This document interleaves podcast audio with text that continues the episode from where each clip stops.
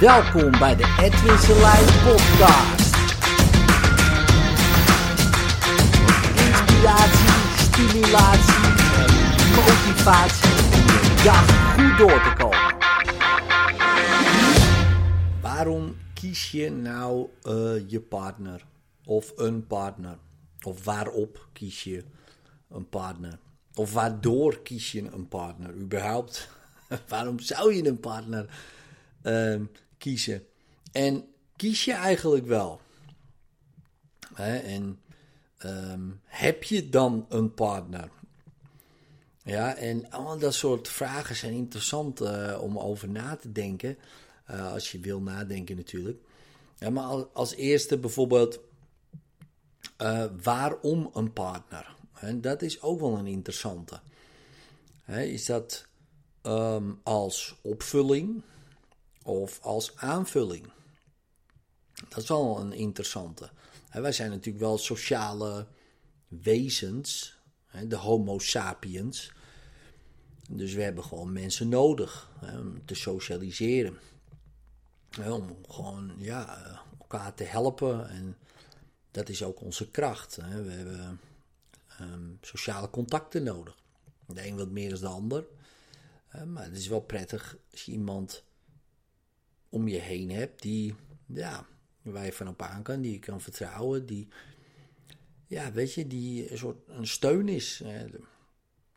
En dat kan in de vorm zijn van een partner bijvoorbeeld. Dus dat zou kunnen.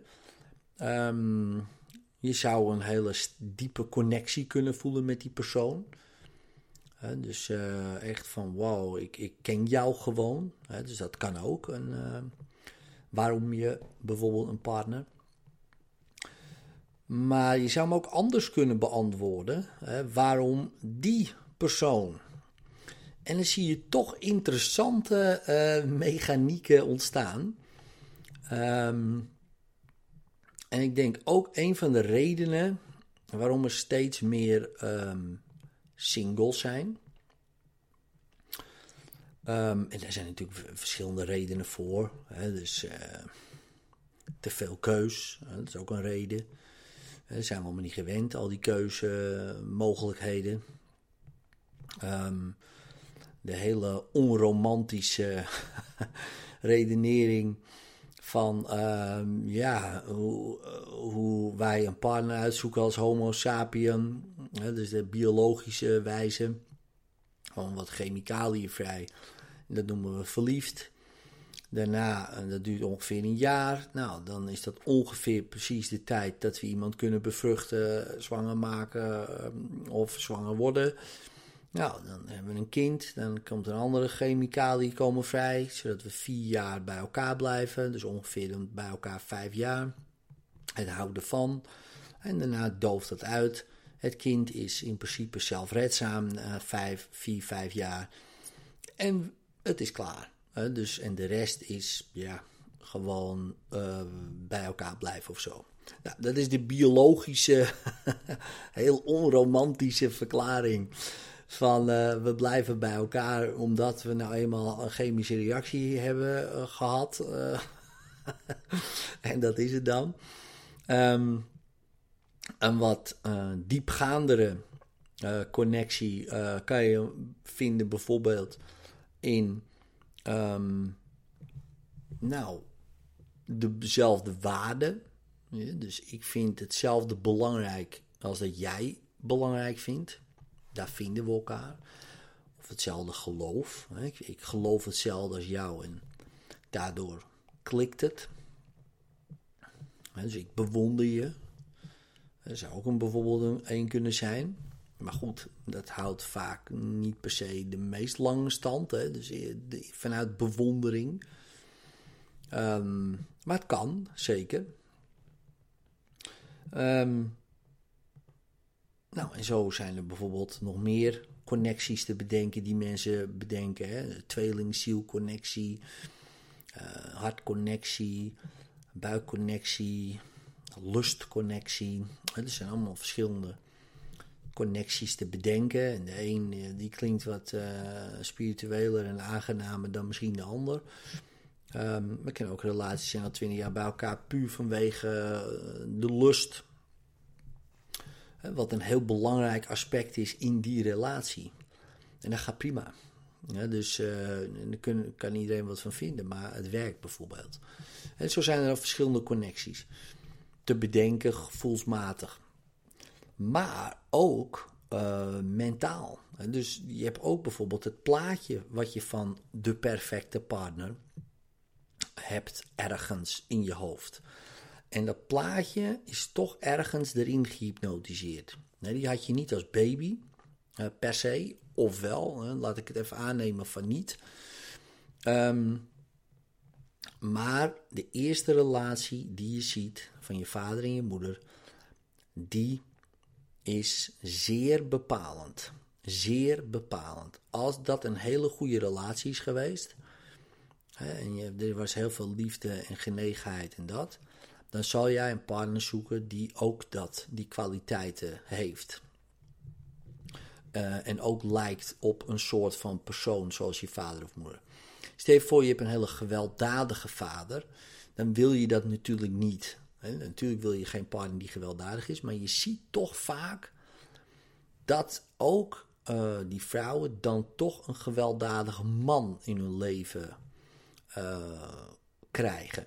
Omdat ze toch onbewust worden aangetrokken tot die bepaalde persoonlijkheid. Misschien is je heel charmant, misschien heel lief, uh, toch op sommige momenten blijkt het toch een, een, een, een te wezen. Um, en dan gaan ze dat misschien generaliseren dat alle mannen zo zijn. Nou, mannen, onderzoek blijkt dat 37% van de mannen, dus lang niet alle mannen, iemand zoeken die op hun lijkt. dus uh, die een vrouw zoekt die op hun, hun op zichzelf lijkt. Dus, dus bepaalde trekken in het gezicht heeft. Die lijken uh, op hem dan. Dat is ook een interessant uh, gegeven. En, en ze zoeken iemand die dezelfde kwaliteiten heeft als hun moeder. Tenminste, hè, als hun moeder natuurlijk uh, kwaliteiten ja, had die je graag ook wil zien in je partner. Het interessante vaak ook is is dat ze vaak vrouwen treffen die ook zo zijn als hun moeder. En als hun moeder een beetje bossy is of uh, bitchy, hebben ze ook vaak zo'n vrouw. En, um, en, nogmaals, uh, het is geen uh, per se wet van meten en persen of zo, weet je. Dus, uh, dus dat, dat het altijd zo is, zeker niet. Maar het is wel, als je het gewoon laat gebeuren, zeg maar, dan zie je toch dat dat soort patronen zich herhalen. Nou, ben je daar heel bewust van? Ja, ga je jezelf opschonen van dat soort programma's, bijvoorbeeld door hypnose te doen of wat dan ook. Of je, nou, dan kan je daar los van komen en dan kan je wat cleaner dingen gaan kiezen. Dan nog zie je vaak dat je iets kiest wat je kent of herkent. Ja, dus, um, en natuurlijk zijn er ook weer uitzonderingen in. Hè, maar je ziet het heel vaak bijvoorbeeld dat um, in stammen, hè, dus als we zeggen we leven in stammen, hè, dus we hebben blanke stammen en donkere stammen en indianenstammen, dat er weinig menging is. Tuurlijk is er menging, natuurlijk, en waarom niet? Je ziet toch vaak dat zeker als er bepaalde geloven, hè, vroeger was het nog veel sterker dan nu. Hè, het is te gek dat het juist wel vermengt. Hè, voor de soorten is dat, is dat een betere kans op overleving. Hè, dus, want hè, we worden resistenter dan. Dus je zou biologisch gezien is het een prima idee. Maar toch, mentaal gezien, omdat we dat dan niet kennen, vinden we dat nog best lastig. Of de meeste mensen vinden dat lastig. Niet iedereen, zeker niet, maar de meesten vinden dat best lastig. En dat vind ik wel interessant, hè, dat programma. Um, en dan zie je bijvoorbeeld het programma Married at First Sight. Dat is ook een Duitse variant, uh, werd ik aan, um, aan um, niet herinnerd, maar daar werd ik op gewezen. Dat is het, werd ik op gewezen. En daar schijnt dat van de tien matches er negen gewoon bij elkaar blijven. En ehm, dan matchen ze uh, op uh, biologische kenmerken, ja, dus uiterlijkheden. Zoeken ze een partner die op de ander lijkt. En, en dan zie je dat dat gewoon werkt. Ja, omdat je, je, kijk, alles de hele tijd, je ziet bijvoorbeeld jezelf iedere dag in de spiegel. En als je dan de hele tijd naar iemand kijkt die op jou lijkt, uiterlijk zien, dan is dat herkenbaar en prettig om te zien. Ja, of je moet jezelf verschrikkelijk vinden, dan heb je wel een uitdaging. Ja, maar, maar, en dat is interessant als je erover nadenkt. En als je dan kijkt naar. Um, in Nederland bijvoorbeeld, dat programma Married at First Sight zie je dat het minder goed werkt op de een of andere manier. Of het werkt wel, hè. natuurlijk is altijd wel een klik, maar veel minder als in Duitsland. En dan vraag ik me dat af dan waarom. Dat zou ik nog eens een keer goed moeten onderzoeken waarom een Duitser dan anders is dan een Nederlander. Maar misschien ligt het in het feit dat wij best wel veel eisend zijn. Ook voor onszelf, uh, maar ook voor naar anderen toe. En dan hebben we een hele lijst. En dan gaan we eigenlijk voorbij um, ja, misschien wel onze programmering bedenken wat goed voor ons is. Terwijl als we niet zouden denken um, en het wordt gewoon gematcht op psychologische waarden, wat wij belangrijk vinden, op geloof en op biologie, op uiterlijkheden die op ons lijken, dan is de match, nou ja, 100% is natuurlijk overdreven, maar vele malen groter uh, en vele malen grotere kans dat wij gewoon bij een partner blijven. Niet dat het hoeft, dat begrijp me niet verkeerd, dat moet iedereen zelf weten. maar uh, dat, dat je bij elkaar blijft, dan dat je maar een beetje aan gaat lopen rommelen de hele tijd. Dat vind ik interessant. Hè? Dus dat we eigenlijk onze, nou ja, misschien wel natuurlijke neiging om hetzelfde te kiezen willen overschrijven met onze gedachten. Van nee, ik wil niet hetzelfde, ik wil beter, ik wil meer. En dat komt dan door al die keuzemogelijkheden. En al die swipe-mogelijkheden. al die profielfoto's die je ziet. Denk, oh, die is leuk, die is leuk, die is leuk. Ja, tof allemaal. Maar in die end wil je toch een soort van basis van gelijkheid hebben. Een soort van geloof. Als ik geloof in um, God, ja, en mijn vrouw geloofde in Allah, wat natuurlijk ook een god is. Hè, Marleen is moslim en de ander is, en ik ben katholiek. Dat kan prima. Maar dan is het Ramadan. En wat ga je dan doen als je kinderen hebt dan? Moeten ze dan ook een maand niet eten? Nou, uh, mijn vrouw vindt dan van wel. En ik denk, ja, waarom, weet je? Dat hoeft toch allemaal niet? Nou, dan ga je daarin mee. Of niet. Maar stel je voor, je doet het niet. Dan heb je wel een uitdaging in die relatie. Dus je gaat daar wel in mee. Want anders wordt het lastig. Ja, maar dan begint het al best wel interessant te worden. En het kan prima, prima werken. Ja, zeker. Er zijn genoeg voorbeelden die werken. Maar er zijn ook genoeg voorbeelden waarbij het dan fout gaat. Niet als ze met z'n tweeën zijn, maar als er kinderen komen. Ja, die kinderen wil ik wel besneden hebben. Oh, ik wil ze gedoopt hebben. Oké, nou dat wil ik allemaal niet. Nou begint het uh, circus al dat is een uitdaging. Dus dan kan je beter, en het, klinkt heel klinisch allemaal, zeggen van ja, ja, maar je moet je hart volgen. Ja, dat is allemaal leuk allemaal. En je kan super verliefd worden, maar dat is gewoon een, een chemische reactie dan.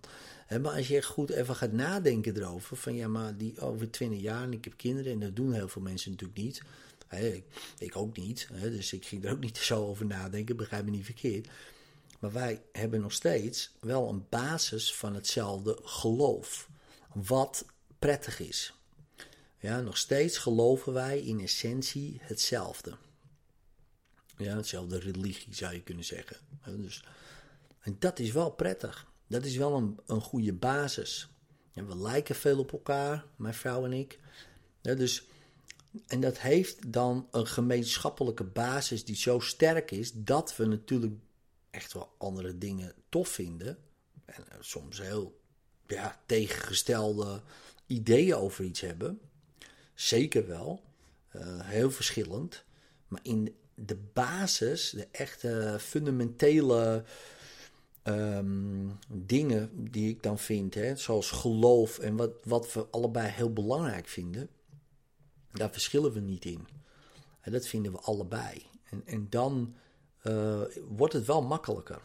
Ja, en uh, mensen zeggen ja, opposites attract. Natuurlijk wel, dat kan. Allemaal wel leuk, uh, leuke stelling. Het is een leuk liedje van Paula Abdul. Maar in de praktijk werkt het vrij slecht. Op de lange termijn. Korte termijn prima. Het kan heel avontuurlijk zijn om, om die lekker swingende salsa boy um, um, in je bed uit te nodigen, bij wijze van spreken. Maar is het over twintig jaar nog zo? Nou, en dat kan zo zijn. En het kan net zo goed niet zo zijn.